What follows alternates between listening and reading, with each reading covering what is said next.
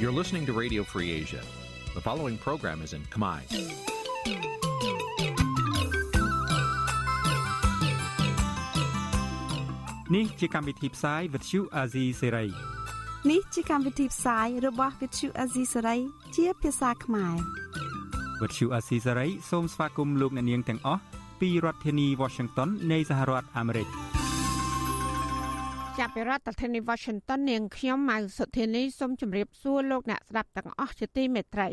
ចាយើងខ្ញុំសូមជូនការផ្សាយសម្រាប់ព្រឹកថ្ងៃប្រហ័ស14រោចខែស្រាប ឆ្នាំថោះបัญចស័កពុទ្ធសករាជ2567ហើយដល់ត្រូវនឹងថ្ងៃទី14ខែកញ្ញាគ្រិស្តសករាជ2023ជាកិច្ចចាប់ផ្ដើមនេះនាងខ្ញុំសូមអញ្ជើញលោកដានាងកញ្ញាស្ដាប់ព័ត៌មានប្រចាំថ្ងៃដែលមានមេត្តាដូចតទៅ ប្រពន្ធលោកនេះណាក់ប្រឹងអាញាធររកជនដៃដល់ដែលព្រួតវាយឲ្យលោករងរបួសក្បាលធ្ងន់ធ្ងរ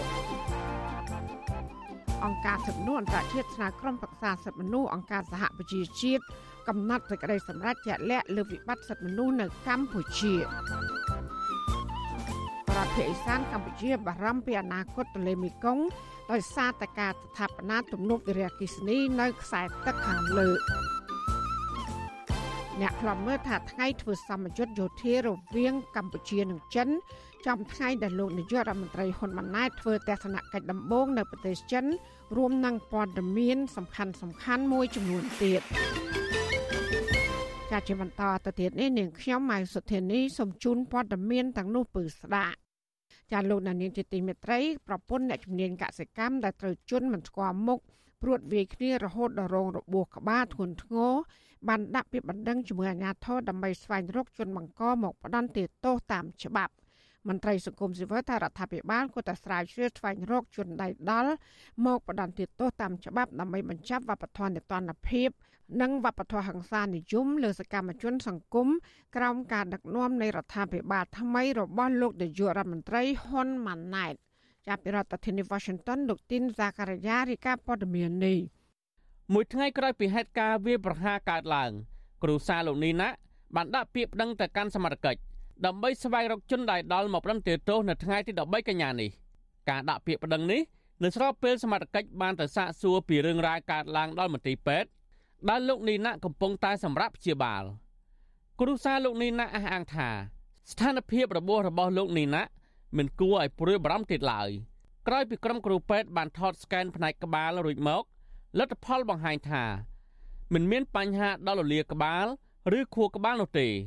ក៏ប៉ុន្តែលោកនីណានៅពុំទាន់អាចបរិភោគអ្វីបានឡើយហើយនៅតែឈឺចាប់ត្រង់របួសក្បាល ភ្នែកដៃនិងជើងប្រពន្ធលោកនីណាគឺលោកស្រីសុកស៊ីណែត ប្រាប់វិទ្យុអាស៊ីសេរីថាស្ថានភាពរបួសប្តីលោកស្រី បានធូរប្រសើរឡើងវិញហើយហើយលោកស្រីវិញក៏រងរបួសត្រង់ជើងដៃនិងស្មាដែរដោយសារតែជនមិនស្គាល់មុខនោះបានជិះម៉ូតូបុកលោកស្រីនិងស្វាមីបណ្ដាលឲ្យដួលភ្លាមភ្លាម លោកស្រីបានថែមថាក្រោយពីម៉ូតូដួលជនមិនស្គាល់មុខទាំងនោះក៏បានវាយប្រហារលោកស្រីផងដែរពេលលោកស្រីចូលទៅខាត់មិនឲ្យជនដៃដល់ទាំងនោះវាយប្រហារប្តីនោះទៅខាងប៉ូលីសអីគេគេមកដល់កន្លែងពេទ្យយើងតែម្ដងគេមកដល់ទៅគេទៅសេជាពាក្យបណ្ដឹងឲ្យយើងតែម្ដងបងគេតាក់ទងមកយើងថាហេតុការមានបែបណាគេតាក់ទងភាគច្រើនគឺប៉ូលីសនៅខាងសង្កាត់ព្រែកប្រាហ្នឹងលោកស្រីស៊ីណាតឲ្យដឹងទៀតថានៅថ្ងៃកើតហេតុ សមត្ថកិច្ចបានចុះមកដល់កន្លែងកើតហេតុផ្ទាល់ដើម្បីធ្វើកំណត់ហេតុចំពោះហេតុការណ៍ប្រើអំពើហិង្សាបានកើតឡើងក៏ប៉ុន្តែសមត្ថកិច្ចលើកឡើងថាកាមេរ៉ាសវត្ថិភាព នៅតំបន់នោះចាំងថ្ងៃមិនអាចសម្គាល់មុខជនដែលដល់ទាំងនោះបានទេទោះបីច្បាប់នេះក្តីលោកស្រីស្នើដល់អាជ្ញាធរពន្លឿនការស្រាវជ្រាវរកជនល្មើសឲ្យមកទទួលទោសតាមច្បាប់ ពួកគាត់និយាយថាកាមេរ៉ានោះចាំងគេថាគេនិយាយណាកាមេរ៉ានោះវារៀងចាំងចាំងពលឺមិនទេមើលវាអត់សូវច្បាស់គាត់និយាយអញ្ចឹងចាគេដឹងថាជនល្មើសមកយ៉ាងណាទេព្រោះអីជនល្មើសនោះពាក់មួកការពារទាំងអស់អញ្ចឹងណាបងហើយប៉ុន្តែគេមើលដឹងថា មានគ្នាមួយនាក់ជិះម៉ូតូមួយគ្រឿងហើយពេលវាព្រួតគ្នាវាយប្តីខ្ញុំហើយហ្នឹងវាត្រឡប់ទៅខាងណាវិញអញ្ចឹងណាគេដឹងថាគោលដៅវាត្រឡប់ទៅខាងណាវិញអញ្ចឹងគេគេនិយាយថាគេនឹងធ្វើតាមនីតិវិធីរបស់គេគឺគេឆែកកាមេរ៉ាតាមផ្លូវដែលផ្លូវដែលជនល្មើសដែលជនសង្ស័យហ្នឹងត្រឡប់ទៅវិញហ្នឹងបងវិទ្យុអាស៊ីសេរីពុំអាចតាក់ទងអ្នកនាំពាក្យស្នងការដ្ឋាននគរបាលរាជធានីភ្នំពេញលោកសានសុកសៃហា ដើម្បីសំសួរអំពីបញ្ហានេះបាននៅឡើយទេ នៅថ្ងៃទី13កញ្ញា លោកនេះណាជាអ្នកជំនាញផ្នែកកសិកម្មហើយលោកហ៊ានរិះគន់ពីបញ្ហាអសកម្មនៅក្នុងសង្គមហើយលោកត្រូវបានជន់មិនស្គាល់មុខព្រួតវាយកាលពីថ្ងៃទី12កញ្ញាក្រោយពីហេតុការណ៍នេះបានកើតឡើងមហាជននៅក្នុងបណ្ដាញសង្គមសម្ដែងការសោកស្ដាយដែលមានជនមិនស្គាល់មុខបង្កើតជាហេតុការណ៍គ្រោះថ្នាក់ចរាចរណ៍និងចោះព្រួតគ្នាវាយដំលើលោកនីណាទាំងកណ្ដាលថ្ងៃស្របពេលដែលរដ្ឋាភិបាលតែងតែអួតសរសើរ ពីការដឹកនាំនិងសរសេរពាក្យថាអគុណសន្តិភាពគ្រប់ទីកន្លែងនោះតែទៅនឹងបញ្ហានេះនិវិភាននយោបាយបណ្ឌិតឡាវម៉ុងហៃបានសរសេរនៅលើបណ្ដាញសង្គម Facebook ថានៅមានមនុស្សសាហាវយ៉ាងនឹងសុំនគរបាលយើងរកចាប់ជនដែលដល់ទាំងនោះឲ្យបានជាបន្ទាន់ក្រៅពីនោះមហាជនភៀសច្រើនបានប្រើរូបសម្រត់ទឹកភ្នែកបង្ហាញការចូលរួមសោកស្ដាយចំពោះករណីនេះក្រៅពីនោះមហាជនភៀសច្រើន បានដាក់រូបភាពសម្រត់ទឹកភ្នែកបង្ហាញពីការអាណិតអាសូរដល់លោកនីណាហើយចូលរួមការសោកស្ដាយចំពោះករណីប្រើអំពើហិង្សានេះនឹងបានជូនពរឲ្យលោកនីណាឆាប់ជាសះស្បើយឡើងវិញតើតើនឹងបញ្ហានេះប្រធានសមាគមការពារសិទ្ធិមនុស្សអាត់ហុកលោកនីសុខាមានប្រសាសន៍ថាករណីនេះមិនមែនជាលើកទី1នោះទេដែលជនមិនស្គាល់មុខប្រើប្រាស់អំពើហិង្សាលើសកម្មជនសង្គមសកម្មជននយោបាយជាដើមហើយមកទល់ពេលនេះ អាជ្ញាធរមិនទាន់រកឃើញជនបង្កទាំងនោះយកមកផ្ដន្ទាទោសតាមច្បាប់នៅឡើយទេការពិតវប្បធម៌នីតិរដ្ឋភាពនីតិរដ្ឋភាពមានន័យថាជនដែលប្រព្រឹត្តបទល្មើសមិនត្រូវបានយកមកផ្ដន្ទាទោសប៉ុន្តែទោះយ៉ាងណាក៏ដោយយើងនៅតែគិតថាបញ្ហានេះសមត្ថកិច្ចនៅតែបន្តការងារដើម្បីរកដកចាប់ជនប្រព្រឹត្តអីចឹងប៉ុន្តែគាត់ថាយើងមើលឃើញរឿងករណីខ្លះវាមានរយៈពេលយូរ ហើយហើយដែលអត់មានពលឺនៃការស៊ើបអង្កេតឲ្យបានឃើញជនប្រព្រឹត្តណាមួយដើម្បីមកប្រតិទោសទេអញ្ចឹងចង់មិនចង់វាអាចធ្វើឲ្យនេះជាសញ្ញាណមួយដែលបង្កឲ្យមានជីវធម៌សន្តិភាពកើតឡើងនៅក្នុងប្រទេសយើងបន្ថែមពីនេះទៀតនៅថ្ងៃទី13កញ្ញានេះអង្គការសង្គមស៊ីវិលចំនួន4រួមមានសមាគមនិស្សិតបញ្ញាវ័នខ្មែរសមាគមប្រជាធិបតេយ្យអាយក្រិចនៃសេដ្ឋកិច្ចក្រៅប្រព័ន្ធសមាគមបណ្ដាញយុវជនកម្ពុជា CVN និងចលនាមេដាធម្មជាតិចេញសេចក្តីថ្លែងការណ៍រួមគ្នាតកល់ទោសយ៉ាងដាច់អហង្ការ ចំពោះអំពើហិង្សា ពីសំណាក់ជនដៃដល់លើសកម្មជននយោបាយនិងសង្គមដែលពួកគេចាត់ទុកអំពើទាំងនេះ ថាជាអំពើខុសខើអមនុស្សធម៌និងរំលោភសិទ្ធិសេរីភាពជាមូលដ្ឋាន នៅក្នុងសង្គមប្រជាធិបតេយ្យក្រុមអង្គការសង្គមស៊ីវិលអំពាវនាវដល់រដ្ឋាភិបាលឲ្យគោរពកាតព្វកិច្ចរបស់ខ្លួន ក្នុងការស្វែងរកជនដៃដល់ ដើម្បីយកមកផ្ដន្ទាទោសតាមផ្លូវច្បាប់ខ្ញុំបាទធីនសាការីយ៉ាអស៊ីសេរីប្រធានាធិបតី Washington ចាលោកនានីជាទីមេត្រីពាក់ព័ន្ធនឹងស្ថានភាពសិទ្ធិមនុស្សនៅកម្ពុជា អង្គការសិទ្ធិមនុស្សអន្តរជាតិលើកឡើងទៅកាន់ក្រុមប្រឹក្សាសិទ្ធិមនុស្សនៃអង្គការសហប្រជាជាតិថារដ្ឋាភិបាលកម្ពុជា បានរំលោភសិទ្ធិមនុស្សធ្ងន់ធ្ងរលើលំហសិទ្ធិបរដ្ឋនិងនយោបាយក្នុងរយៈពេល2ឆ្នាំនៅមុនការបោះឆ្នោត មន្ត្រីសង្គមស៊ីវិលស្នើដល់រដ្ឋាភិបាលឲ្យងាកមកស្ដារសិទ្ធិមនុស្សនិងប្រជាធិបតេយ្យឡើងវិញដើម្បីបញ្ជា ពីការដាក់ទណ្ឌកម្មពីបណ្ដាប្រទេសលោកសេរីចាសសូមស្ដាប់សេចក្តីរាយការណ៍របស់លោកជីវតាជំនាញព័ត៌មាននេះដូចតទៅអង្គការសិទ្ធិមនុស្សអន្តរជាតិ Human Rights Watch អង្គការលើកលែងទោសអន្តរជាតិ Amnesty International និងអង្គការសិទ្ធិមនុស្សអន្តរជាតិផ្សេងទៀតនៅថ្ងៃទី8ខែកញ្ញា បានដាក់លិខិតទៅកាន់តំណាងអចិន្ត្រៃយ៍នៃសមាជិកនិងអ្នកសង្កេតការណ៍នៃក្រមប្រឹក្សាសិទ្ធិមនុស្សអង្គការសហប្រជាជាតិដើម្បីស្វែងរកដំណោះស្រាយជាក់លាក់លើវិបត្តិសិទ្ធិមនុស្សនៅកម្ពុជា ក្នុងកិច្ចប្រជុំក្រុមប្រឹក្សាសិទ្ធិមនុស្សលើកទី54ដែលកំពុងចាប់ផ្ដើមពីថ្ងៃទី11កញ្ញាដល់ថ្ងៃទី13តុលានៅទីក្រុងហ្សឺណែវលិខិតរួមរបស់អង្គការសិទ្ធិមនុស្សអន្តរជាតិទាំងនោះបញ្ជាក់ថា វិបត្តិសិទ្ធិមនុស្សនៅកម្ពុជាកាន់តែអាក្រក់ទៅអាក្រក់ទៅ ដែលត្រូវការគ្រប់គ្រងនិងរកដំណោះស្រាយពីក្រមប្រឹក្សាសិទ្ធិមនុស្សនៃអង្គការសហប្រជាជាតិលិខិតដដែលចាត់ទុកថាវិបត្តិសិទ្ធិមនុស្សនេះជាការបរាជ័យរបស់រដ្ឋាភិបាលកម្ពុជា ដែលធ្លាប់ដាក់ចេញនៅគោលការណ៍ចំនួន20ទៅកាន់ក្រុមប្រឹក្សាអង្គការសហប្រជាជាតិកាលពីឆ្នាំ2022ថានឹងលើកកម្ពស់ការអនុវត្តសិទ្ធិមនុស្ស លិខិតដដែលគូសបញ្ជាក់នៅការលើកឡើងរបស់ឧត្តមស្នងការអង្គការសហប្រជាជាតិទទួលបន្ទុកសិទ្ធិមនុស្សលោក Walker Tuok ថារដ្ឋាភិបាលបានបង្ខិតបង្ខំនិងដាក់គំនាបលើពលរដ្ឋខ្មែរមិនឲ្យប្រើប្រាស់សិទ្ធិរបស់ខ្លួនគ្រប់ទិដ្ឋភាពនៃដំណើរការបោះឆ្នោតគណៈកម្មាធិការរៀបចំការបោះឆ្នោតហៅកាត់ថាកោជបមិនឯករាជ្យនិងលំអៀងទៅគណៈបកប្រជាជនកម្ពុជា ដែលបានដកសិទ្ធិគណៈបកប្រឆាំងចំនួន2 រួមទាំងគណៈបកភ្លើងទៀនមិនឲ្យចូលរួមការបោះឆ្នោតហើយថាប៉ុន្មានថ្ងៃមុនការបោះឆ្នោតរដ្ឋាភិបាលបានបញ្ជាឲ្យអ្នកផ្ដល់សេវាអ៊ីនធឺណិតបិទការចូលទៅកាន់គេហទំព័រប្រព័ន្ធផ្សព្វផ្សាយឯករាជ្យរួមមានគេហទំព័រសារព័ត៌មាន The Cambodia Daily Vithu Azizi Siri និងមូលដ្ឋានទិន្នន័យសាធារណៈកំណត់ត្រាលិខិតបន្តទៀតថារដ្ឋាភិបាលកម្ពុជា បានប្រើប្រាស់ប្រព័ន្ធតុលាការបង្ក្រាបលើអ្នកតវ៉ាដូចជាការផ្ដន់ទោសប្រធានសហជីពនិងបុគ្គលិកក្រុមហ៊ុនបនលបៃ Nagavel កញ្ញាឈឹមស៊ីធឲ្យជាប់ពន្ធនាគាររយៈពេល2ឆ្នាំ រួមទាំងសកម្មជនការងារ8នាក់ទៀតផងតុលាការក៏បានកាត់ទោសអ្នកការពារសិទ្ធិដីធ្លី10នាក់នៅខេត្តកោះកុងការផ្ដន់ទោសដាក់ពន្ធនាគារ27ឆ្នាំទៅលើមេដឹកនាំគណៈបកប្រឆាំងលោកកឹមសុខា និងការផ្ដន់ទោសសកម្មជននិងមន្ត្រីបកប្រឆាំងជាច្រើនអ្នកផ្សេងទៀតក្រុមអង្គការសិទ្ធិមនុស្សអន្តរជាតិទាំងនោះ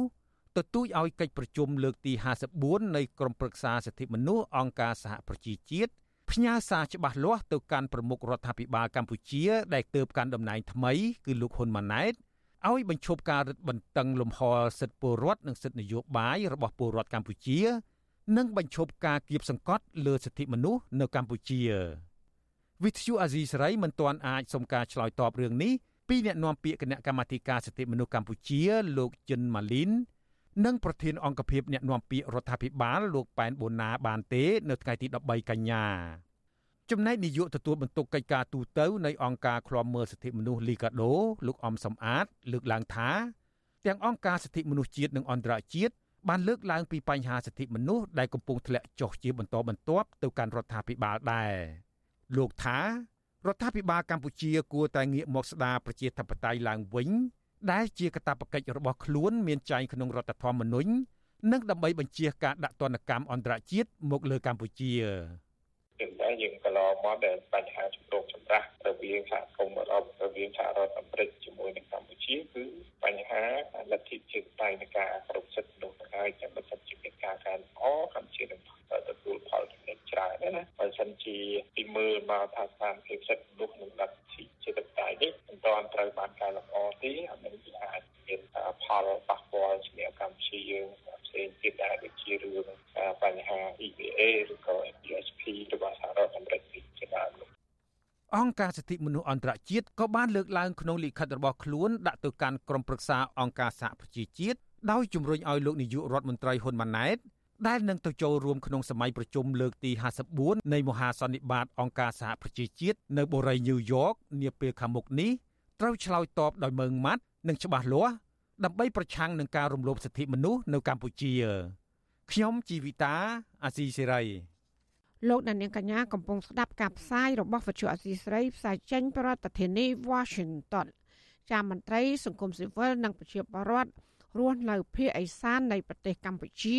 ព្រួយបារម្ភពីអនាគតទន្លេមេគង្គដោយសារតែការបិទទ្វារទឹកទំនប់វារីអគ្គិសនី នៅប្រទេសចិនឡាវនិងវៀតណាមពួកគាត់អះអាងថាការបិទទ្វារទឹកទំនប់ទាំងនេះបណ្ដាលឲ្យកម្រិតទឹកឡើងចុះមិនទៀងទាត់ប៉ះពាល់សន្តិសុខស្បៀងនិងប្រព័ន្ធធារាសាស្ត្រចាសសេចក្តីរាយការណ៍ពីស្ដាមពីរឿងនេះលោកណានៀងនឹងបានស្ដាប់នាពេលបន្តិចទៀតនេះ លោកណានៀងជាទីមេត្រីដំណើរធាននឹងស្ដាប់ការផ្សាយរបស់វិទ្យុអសីស្រីតាមបណ្ដាញសង្គម Facebook YouTube និង Telegram លោកណានៀងក៏អាចស្ដាប់ការផ្សាយរបស់យើងតាមរលក ធាតុអាកាសខ្លីឬ Shortwave តាមកម្រិតនិងកម្ពស់ដូចតទៅចាប់ពីព្រឹកចាប់ពីម៉ោង5កន្លះដល់ម៉ោង6កន្លះតាមរយៈប៉ុស SW 12.14 MHz ស្មើនឹងកម្ពស់ 25m និងប៉ុស SW 13.71 MHz ស្មើនឹងកម្ពស់ 22m ចាសម្រាប់ពេលយប់វិញគឺចាប់ពីម៉ោង7កន្លះដល់ម៉ោង8កន្លះគឺតាមរយៈប៉ុស SW 9.33 MHz ស្មើនឹងកម្ពស់ 32m ប៉ុស SW 11.88 MHz ស្មើនឹងកម្ពស់ 25m និងប៉ុស SW 12.15 MHz ស្មើនឹងកម្ពស់ 25m ចាសសូមអរគុណចាលោកនានីជាទីមេត្រីតំណាងអัยការនៃសាលាដំបងខេត្តបន្ទាយមានជ័យបន្តសាកសួរមន្ត្រីគណៈបកភ្លើងទៀន6នាក់ចូលដល់ថ្ងៃទី5ហើយពាក់ព័ន្ធនឹងការប្រមូលស្នាមមេដៃប្រជាពលរដ្ឋដើម្បីបង្កើតគណៈបកថ្មី តឡាកាបានបញ្ជូនមន្ត្រីគណៈបកភ្លើងទៀនទាំងនោះទៅបន្តឃុំខ្លួននៅស្នងការប៉ូលីសក្រោយការចោទប្រកាន់រួចចាអ្នកនាំពាក្យគណៈបកភ្លើងទៀនចាត់ទុករឿងនេះថាជាការធ្វើទុកបុកម្នេញផ្នែកនយោបាយចាលោកសេកបណ្ឌិតរាជការព័ត៌មាននេះមន្ត្រីជាន់ខ្ពស់គណៈបកភ្លើងទៀនអះអាងថាតុលាការបានចោទប្រកាន់សកម្មជនគណៈបកភ្លើងទៀនទាំង6នាក់ពីបទញុះញង់អ្នកនាំពាក្យគណៈបកភ្លើងទៀនលោកកឹមសុភិរិទ្ធ ប្រាប់បទសុអសីសេរីនៅថ្ងៃទី13ខែកញ្ញាថាតំណាងអัยការនៃសាលាដំបងខេត្តបន្ទាយមានជ័យចោទប្រកាន់មន្ត្រីគណៈបកភ្លើងទៀនទាំងនោះថាបានយកឈ្មោះថ្នាក់ដឹកនាំរដ្ឋាភិបាលទៅប្រើប្រាស់ក្នុងការប្រមូលស្នាមមេដៃប្រជាពលរដ្ឋដើម្បីបង្កើតគណៈបកថ្មីទោះយ៉ាងណាលោកថារឿងនេះជាការគម្រាមកំហែងផ្នែកនយោបាយច្រើនជាងការអនុវត្តច្បាប់ ជាករណីនេះគឺជាការប្រព្រឹត្តខុសច្បាប់ត្រឹមកម្រិតណាមួយណាដែលយើងមិនទាន់មានអង្គហេតុគ្រប់គ្រាន់សម្រាប់ចោទប្រកាន់ទេណាដូច្នេះអត់ត្រូវទៅចាប់ខ្លួនឲ្យមកឃុំមកសម្រិតចម្លោយអីចឹងទេត្រូវមានដីកាមួយជាក់លាក់ពីព្រោះមនុស្សអស់ហ្នឹងសាក់មានទីលំនៅមានអីត្រឹមត្រូវនៅនឹងស្រុកឃុំអីត្រឹមត្រូវទាំងអស់ហើយក៏មិនមែនជាបាត់ល្មើសព្រមស្ទាន់ទៅប្លន់ទៅកាត់សម្លាប់គេអីដែលត្រូវខាត់ខ្លួនភ្លាមភ្លាមខ្លាចរត់អីទេណា ថ្នាក់ដឹកនាំគណៈបកភ្លើងទៀនខេត្តនេះរួមមានលោកស៊ិនវត្ថាលោកទេពសបត្តិវឌ្ឍនោលោកឡុងឡាវី និងមនុស្សមួយចំនួនទៀតពួកគេត្រូវបានអាជ្ញាធរចាប់ខ្លួនកាលពីថ្ងៃទី8និងទី9ខែកញ្ញាដោយពុំមានដីកាពីតុលាការឡើយហើយរហូតមកដល់រសៀលថ្ងៃទី13ខែកញ្ញាមិនទាន់ដោះលែងពួកគេមកវិញនៅឡើយទេកាលពីថ្ងៃទី18ខែសីហាកន្លងទៅអតីតរដ្ឋមន្ត្រីក្រសួងមហាផ្ទៃលោកសខេង បានអនុញ្ញាតឲ្យបង្កើតគណៈបកបញ្ញាទំនើបតាមការស្នើសុំរបស់តំណាងស្ថាបនិកគណៈបកនេះគឺលោកអឹមសូនិត ដែលជាអតីតប្រធានក្រុមការងារគណៈបកភ្លើងទៀនខេត្តប្រសែនុប៉ុន្តែដើម្បីទទួលបានសុពលភាពនិងអាចធ្វើសកម្មភាពដោយស្របច្បាប់ក្នុងរយៈពេល180ថ្ងៃបន្ទាប់ពីបង្កើតរួចហើយនោះគណៈបកនេះត្រូវរៀបចំ និងបំពេញលក្ខខណ្ឌស្នើសុំចុះបញ្ជីនៅក្រសួងមហាផ្ទៃ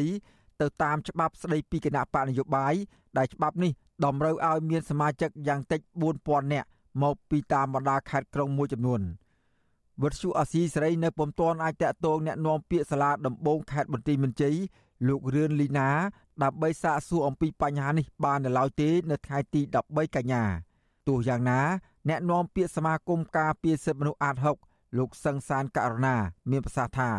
ការបន្តឃុំខ្លួនសកម្មជនគណៈបកនយោបាយនេះជារឿងមិនត្រឹមត្រូវឡើយហើយលោកស្នើសុំមកតុលាការដោះលែងពួកគេឲ្យមានសេរីភាពមកវិញក្នុងករណីនេះខ្ញុំយល់ថាមិនគួរមានការចាប់ទោសអូសដំណើរនៅក្នុងករណីនេះទេគួរតែមានការ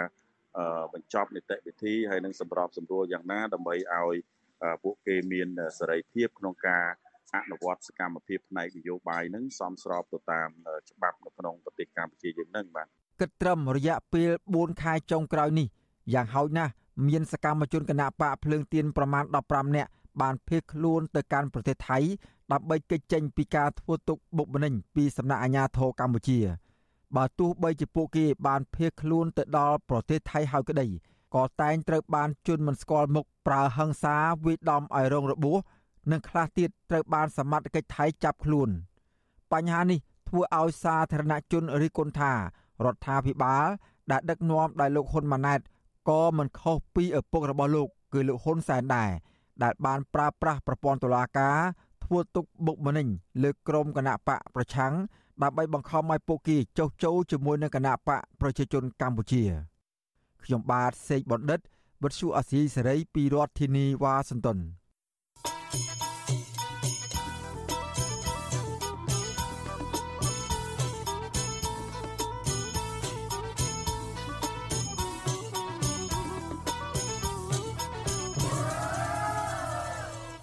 ចាលោកអ្នកស្ដាប់ជាទីមេត្រីអ្នកខ្លាំមើលស្ថានភាពសង្គម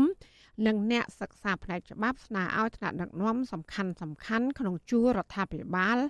លុបបំបត្តិវប្បធម៌ចូលធ្វើការតាមខ្សែស្រឡាយហើយបោសសម្អាតបពពួកគ្រួសារនិយមនៅតាមក្រសួងស្ថាប័នជាមុនសិនមុននឹងចាប់ផ្ដើមធ្វើកំណែតម្រង់ជ្រើសរើសក្របខ័ណ្ឌមន្ត្រីរាជការដោយមិនចាំបាច់ស្គាល់អ្នកធំ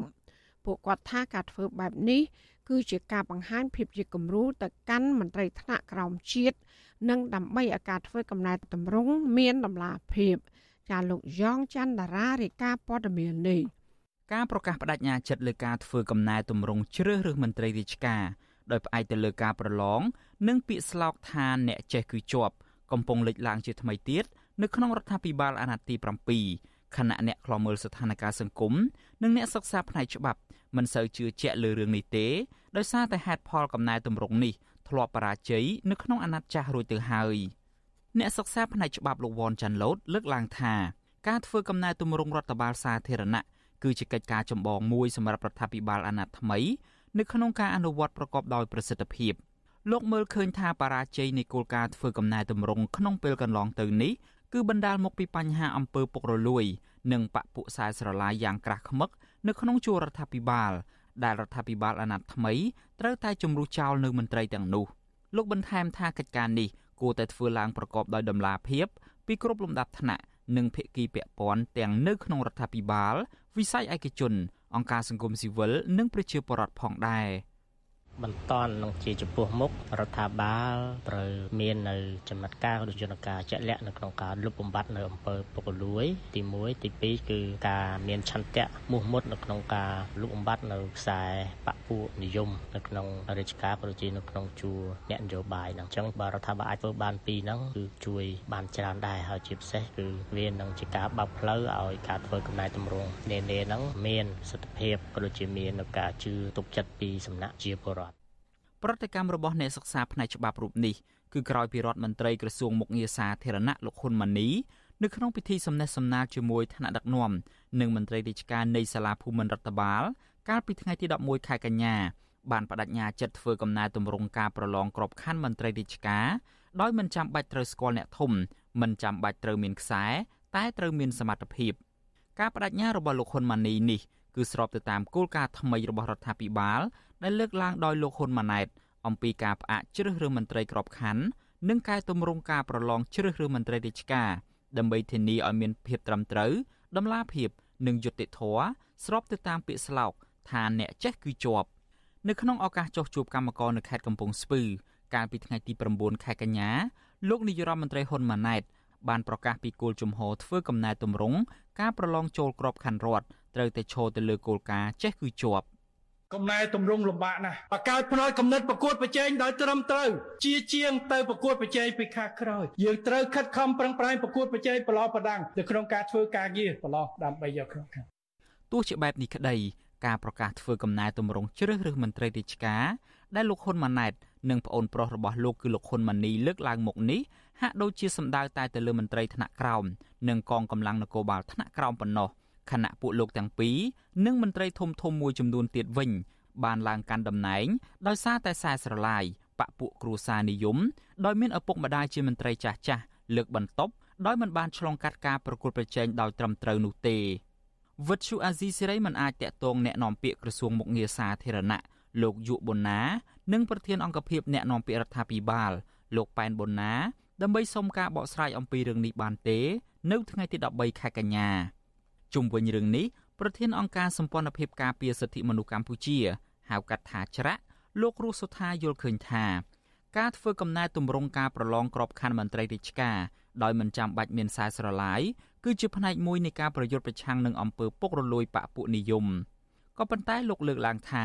កំណែទម្រង់នេះគួរតែចាប់ផ្ដើមអនុវត្តពីថ្នាក់ជាតិទៅមុនពីព្រោះវប្បធម៌តែងតាំងតួនាទីតាមរយៈការប្រើប្រាស់អធិបុលគ្រួសារដោយសម្លកំពឹសនេះ កើតមានតាំងពីថ្នាក់លើ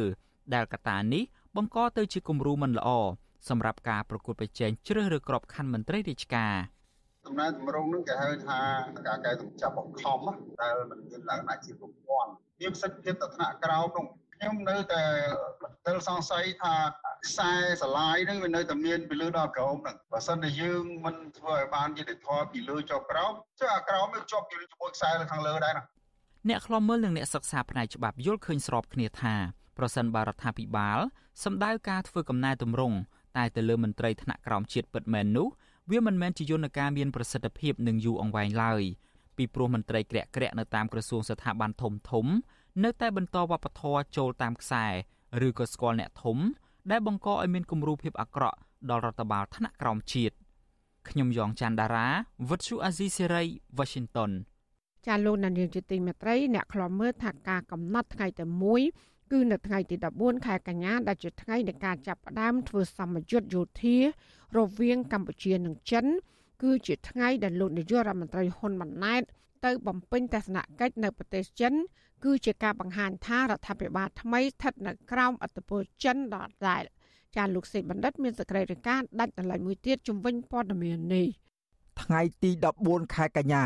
ជាប់តាក់ទងនឹងព្រឹត្តិការណ៍សំខាន់ពីរក្នុងថ្ងៃតែមួយដែលបង្ហាញពីទំនាក់ទំនងរវាងរដ្ឋាភិបាលកម្ពុជា ជាមួយនឹងប្រទេសចិនកុម្មុយនីសថ្ងៃនេះអាចជាការរៀបចំទុកជាមុននៃការធ្វើដំណើរទៅប្រទេសចិន របស់លោកនាយករដ្ឋមន្ត្រីហ៊ុនម៉ាណែតនិងជាថ្ងៃនៃការចាប់ផ្ដើមធ្វើសមយុទ្ធយោធាកម្ពុជាចិន ដែលមានឈ្មោះថា ទេវតាសន្តិភាពឆ្នាំ2023អ្នកវិភាគនយោបាយលោកកឹមសុខយល់ថា រដ្ឋាភិបាលលោកហ៊ុនម៉ាណែត និងភៀកគីចិននឹងបង្ហាញសាច់ដុំយោធាក្នុងសមយុទ្ធនោះដើម្បីបង្អួតក្រមប្រទេសលោកសេរីលោកបន្តទៀតថាភៀកគីទាំងពីរយកថ្ងៃធ្វើសមយុទ្ធយោធាចំថ្ងៃដែលលោកហ៊ុនម៉ាណែតទៅប្រទេសចិនបែបនេះជាការបង្ហាញថាកម្ពុជាស្ថិតនៅក្រោមឥទ្ធិពលរបស់ចិនដដែលវាបង្ហាញអំពី ឥទ្ធិពលរបស់ចិន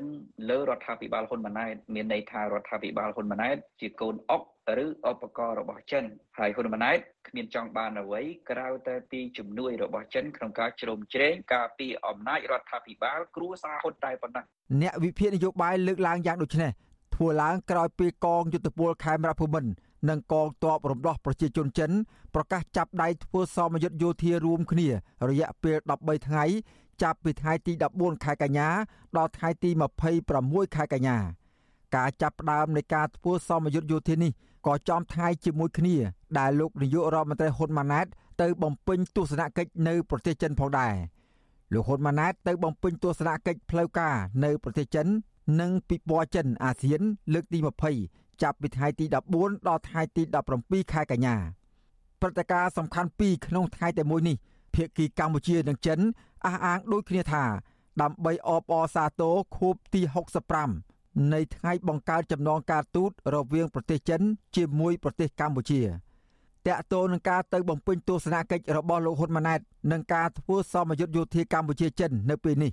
វិទ្យុអាស៊ីសេរីនៅពុំទាន់អាចសុំការបញ្ជាក់បន្ថែមពីអ្នកនាំពាក្យក្រសួងការពារជាតិលោកឈុំសុជាតិ និងប្រធានអង្គភិបអ្នកនាំពាក្យរដ្ឋាភិបាលលោកប៉ែនបូណាបានទេ កាលពីថ្ងៃទី13ខែកញ្ញាប្រធានអង្គការសម្ព័ន្ធភាពការពារសិទ្ធិមនុស្សកម្ពុជាហៅកាត់ថាច្រាក់លោករស់សថាយល់ថា ការធ្វើសមយុទ្ធយោធា និងទំនាក់ទំនងការទូតក្តីរដ្ឋាភិបាលកម្ពុជា គួរផ្ដល់ភាពស្មើគ្នានៃទំនាក់ទំនងអន្តរជាតិមួយនេះ ជាមួយនឹងលោកសេរីលោកបន្តថាបើទោះជាកម្ពុជា ជាមួយនឹងប្រទេសចិនជាដៃគូយុទ្ធសាស្ត្រក្តីក៏ប៉ុន្តែក្រមប្រទេសលោកសេរីក៏ជាទីផ្សារដ៏ធំបំផុតរបស់កម្ពុជាដែរមន្ត្រីសង្គមស៊ីវិលរូបនេះផ្ដល់យោបល់ថាកម្ពុជាគួរមានភាពឆ្លាតវៃក្នុងនយោបាយការទូតហើយចំពោះការធ្វើសមយុទ្ធយោធាកម្ពុជាក៏គួរបើកឲ្យមានការធ្វើសមយុទ្ធយោធាជាមួយនឹងសហរដ្ឋអាមេរិកនិងជាមួយនឹងប្រទេសលោកសេរីផ្សេងទៀតដែរ។ យើងមិនត្រូវធ្វើគេភាពចដៃគូរងាប់ស្ដោកបានទេច្បល់ខ្ញុំណាយើងទៅមើលចិនណាចិនយើងជួយយើងលើផ្នែកអីអាចមានប្រយោជន៍នៅកម្ពុជាលើផ្នែកអីហើយអាមេរិកអាចមានប្រយោជន៍នៅកម្ពុជាលើផ្នែកអីគឺថាយើងត្រូវយកជាប្រយោជន៍ជាឱកាសរបស់ប្រទេសទាំងអស់ហ្នឹងផ្ដល់មកកម្ពុជាយើងត្រូវស្រូបយកណាតោនឹងរឿងនេះដែរវិទ្យុមិត្តភាពកម្ពុជាចិនបានដកស្រង់សម្ដីរបស់អ្នកនាំពាក្យក្រសួងការបរទេសចិនមកចុះផ្សាយកាលពីថ្ងៃទី13ខែកញ្ញាថា ទស្សនកិច្ចនេះបង្ហាញពីការយកចិត្តទុកដាក់ខ្ពស់របស់រដ្ឋាភិបាលអាណត្តិថ្មីស្ដីពីការអភិវឌ្ឍទំនាក់ទំនងរវាងចិននិងកម្ពុជា ប្រពន្ធដដាលបន្តថាឆ្នាំនេះជាខួបទី65នៃការបង្កើតទំនាក់ទំនងការទូតរវាងចិននិងកម្ពុជាហើយតាមរយៈដំណើរទស្សនកិច្ចរបស់លោកហ៊ុនម៉ាណែតនេះភាគីទាំងពីរនឹងលើកយកផែនការទូទៅ អំពីកិច្ចសហប្រតិបត្តិការជាយុទ្ធសាស្ត្រគ្រប់ជ្រុងជ្រោយរវាងចិននិងកម្ពុជា។ ភាគីទាំងពីរគ្រោងជំរុញឲ្យមានគំនិតព្រួយផ្ដើមស្ដីពីកិច្ចសហប្រតិបត្តិការដូចជា ច្រករបៀងឧស្សាហកម្មនិងបច្ចេកវិទ្យានិងច្រករបៀងត្រីនិងអង្គរផងដែរគិតមកដល់ពេលនេះត្បិតលោកហ៊ុនម៉ាណែតទើបនឹងឡើងធ្វើជានាយករដ្ឋមន្ត្រីបានជាង20ថ្ងៃហើយក្តីក៏ប៉ុន្តែមិនទាន់មានប្រទេសលោកសេរីឬប្រទេសក្បែរខាងកម្ពុជាណាមួយអញ្ជើញលោកឲ្យទៅបំពេញទស្សនកិច្ចនៅឡើយទេចាប់តាំងពីលោកឡើងកាន់តំណែងជានាយករដ្ឋមន្ត្រីមក ខ្ញុំបាទសេកបណ្ឌិតវុទ្ធុអាស៊ីសេរីពីរដ្ឋធានីវ៉ាស៊ីនតោនចាលោកអ្នកស្ដាប់ជាទីមេត្រីពាក់ព័ន្ធនឹងស្ថានភាពរស់នៅរបស់ប្រជាពលរដ្ឋនេះដែររបាយការណ៍របស់អង្គការសមាគមធៀងថ្នោត បានរកឃើញថាបរិវត្តជិត1សែននាក់ឬជិត4%នៃបរិវត្តសរុបនៅរាជធានីភ្នំពេញកំពុងរស់នៅក្នុងភាពក្រីក្រប្រឈមនឹងការបណ្តេញចេញពីលំនៅឋាន និងមិនទទួលបានការយកចិត្តទុកដាក់ពីអាជ្ញាធររដ្ឋនោះឡើយ មន្ត្រីសង្គមស៊ីវិលថាអាជ្ញាធរនិងមន្ត្រីពាក់ព័ន្ធគួរតែមានយន្តការជាក់លាក់ដើម្បីលុបបំបាត់ភាពក្រីក្រឲ្យបានឆាប់រហ័សចា៎នេះគឺជាសេចក្តីរាយការណ៍មួយទៀតរបស់លោកទីនសាការីយ៉ាជំវិញព័ត៌មាននេះអង្គការសមាគមធៀងថ្នោតបានចេញរបាយការណ៍កាលពីថ្ងៃទី7កញ្ញារកឃើញថាមានប្រជាពលរដ្ឋជិត20000គ្រួសារឬស្មើនឹងប្រមាណជាជិត100,000នាក់នៅទីតាំងចំនួន191ក្នុងរាជធានីភ្នំពេញ កំពុងស្ថិតនៅក្នុងភាពក្រីក្រ និងមិនទទួលបានការយកចិត្តទុកដាក់ពីរដ្ឋាភិបាលរបាយការណ៍ឲ្យដឹងថា1ភាគ3នៃទីតាំងចំនួន191នោះអាចស្ថិតនៅលើដីរដ្ឋខណៈដែលជិត2ភាគ3នៃទីតាំងគឺជាលំនៅឋានក្រីក្រនៅរាជធានីភ្នំពេញមិនមានកម្មសិទ្ធិដីធ្លីស្របច្បាប់របាយការណ៍ដដែលបានលើកឡើងថាកង្វះនៅឯកសារផ្លូវច្បាប់ធ្វើឲ្យពួកគាត់ប្រឈមនឹងការបណ្តេញចេញដោយបង្ខំរបាយការណ៍ដដែលថាជាង1ភាគ4 នៃទីតាំងលំនៅឋានក្រីក្រទាំងអស់បានរាយការណ៍ថាពួកគេកំពុងទទួលរងសម្ពាធពីការបណ្តេញចេញដោយបង្ខំហើយប្រជាពលរដ្ឋដែលរស់នៅទីតាំងលំនៅឋានក្រីក្រ នៅទីក្រុងជាច្រើន កំពុងតែជាប់បំណុលដោយ26ក្នុងចំណោម191ទីតាំងបានរាយការណ៍ថាបរដ្ឋមួយចំនួនបានលក់ផ្ទះដើម្បីសងបំណុលរបាយការណ៍ដដាលថាការផ្ដាល់កម្ចីដោយការធ្វេសប្រហែសនឹងធ្លាក់ចូលទៅក្នុងបំណុល និងប្រឈមមុខនឹងការរំលោភសិទ្ធិមនុស្សដូចជាការបាត់បង់ដីធ្លី ខ្វះផ្ទះសម្បែងការធ្វើចំណាកស្រុកដោយបង្ខំជាប់បំណុលនិងពលកម្មកុមារជាដើមរបាយការណ៍បានសម្ភាសពលរដ្ឋចំនួន958នាក់ក្នុងចំណោមពលរដ្ឋក្រីក្រទាំង100,000នាក់ប្រជាពលរដ្ឋតែជាង1%ប៉ុណ្ណោះបានបញ្ចប់ការសិក្សាថ្នាក់សាកលវិទ្យាល័យខណៈដែលជិត22%ផ្សេងទៀតពុំទទួលបានការអប់រំទាល់តែសោះ របាយការណ៍ដដាលថាមានសមាជិកគ្រួសារមួយចំនួនរួមទាំងកុមារផង កំពុងតែបម្រើការងារទាំងគ្រោះថ្នាក់ដើម្បីចិញ្ចឹមជីវិតរបាយការណ៍ថាគ្រួសារជិត3%មានសមាជិកធ្វើការងារហានិភ័យខ្ពស់ដូចជារើសឥតចាយពេលយប់ដែលប្រឈមនឹងគ្រោះថ្នាក់ចរាចរណ៍និងបេះបន្លាយនៅក្នុងបឹងដែលប្រឈមនឹងការលង់ទឹកតំណាងបរដ្ឋនៅតំបន់ក្រេក្រសហគមន៍ស្ទឹងកំបុតក្នុងសង្កាត់ស្វាយប៉ាក់ លោកសមករាលើកឡើងថាប្រជាពលរដ្ឋនៅក្នុងសហគមន៍មានជីវភាពក្រីក្រគ្មានការងារធ្វើនិងមិនទទួលបានការយកចិត្តទុកដាក់ពីមន្ត្រីអាជ្ញាធរមូលដ្ឋាននោះទេផ្ទុយទៅវិញលោកសមករាបន្ថែមថា ខាងសាលារាជធានីភ្នំពេញចាត់ទុកសហគមន៍លោកថាមិនមានសិទ្ធិស្របច្បាប់ លើកម្មសិទ្ធិដីធ្លីទោះបីជាសហគមន៍ស្ទឹងកំបុតបានមករស់នៅទីនោះអស់រយៈពេលជាង30ឆ្នាំមកហើយក្តី លោកសមេក្រាបន្តថាកន្លងមកសហគមន៍ព្យាយាមសុំភាពស្របច្បាប់ ពីខាងអាជ្ញាធរមូលដ្ឋានប៉ុន្តែអាជ្ញាធរនៅតែបដិសេធមិនទទួលស្គាល់លោកនិងសហគមន៍មានក្តីបារម្ភថាអាជ្ញាធរនឹងបណ្ដេញពួកគាត់ចេញពីនៅឋាននៅថ្ងៃណាមួយ។ នឹងបញ្ហាសប្តាហ៍ថ្ងៃហ្នឹងគឺយើងនៅភ័យរឿងការបណ្ដឹងចេញហ្នឹងព្រោះម្ដងថាយកយើងទៅដាក់ខាងនេះម្ដងយកទៅយើងទៅដាក់ខាងនោះតែជាសហគមន៍ហ្នឹងគាត់អត់ព្រមព្រោះពួកគាត់នៅនេះយូរណាស់យូរឆ្នាំណាស់ទៅហើយហើយបន្លាយបហូរទឹកហ្នឹងក៏វាអកកម្មដែរអត់កម្មយូរឆ្នាំហើយពួកគាត់អត់ព្រមទៅណាគាត់ចង់គាត់ចង់សុំអភិវឌ្ឍនឹងកន្លែងសុំបានកម្មសិទ្ធិដូចគេដូចឯងដូចបរិយដូចឯកជនមួយចំនួននៅជួរជាមួយគ្នាហ្នឹង វិទ្យុអសិរ័យមិនអាចតកតងអ្នកនាំពាក្យសាលារដ្ឋាភិបាលភ្នំពេញលោកមេតមាសភក្តីនិងអ្នកនាំពាក្យក្រសួងអភិវឌ្ឍជនបទលោកជ្រុនធេររ៉ាត់ដើម្បីសំសួរអំពីបញ្ហានេះបាននៅឡើយទេកាលពីថ្ងៃទី12កញ្ញាថ្លែងនៅក្នុងវេទិកាធុរកិច្ចនៃសមាគមប្រជាជាតិអាស៊ីអាគ្នេយ៍ឬអាស៊ាន ក្នុងទីក្រុងចាកាតា ប្រទេសឥណ្ឌូនេស៊ីកាលពីថ្ងៃទី4ខែកញ្ញានាយករដ្ឋមន្ត្រីហ៊ុនម៉ាណែតអះអាងថាកម្ពុជាបានដាក់ចេញនូវគោលការណ៍ដ៏សំខាន់មួយ ក្នុងការប្រែក្លាយកម្ពុជាឲ្យទៅជាប្រទេសដែលមានប្រាក់ចំណូលខ្ពស់នៅត្រឹមឆ្នាំ2050ទោះជាយ៉ាងណាប្រធានគម្រោងសិទ្ធិលំនៅឋាននិងស្រាវជ្រាវនៃអង្គការសមាគមធៀងថ្នោតលោកសៀងមួយឡៃមានប្រសាសន៍ថាដើម្បីកាត់បន្ថយនិងលុបបំបាត់ភាពក្រីក្រនៅតំបន់នានាក្នុងរាជធានីភ្នំពេញ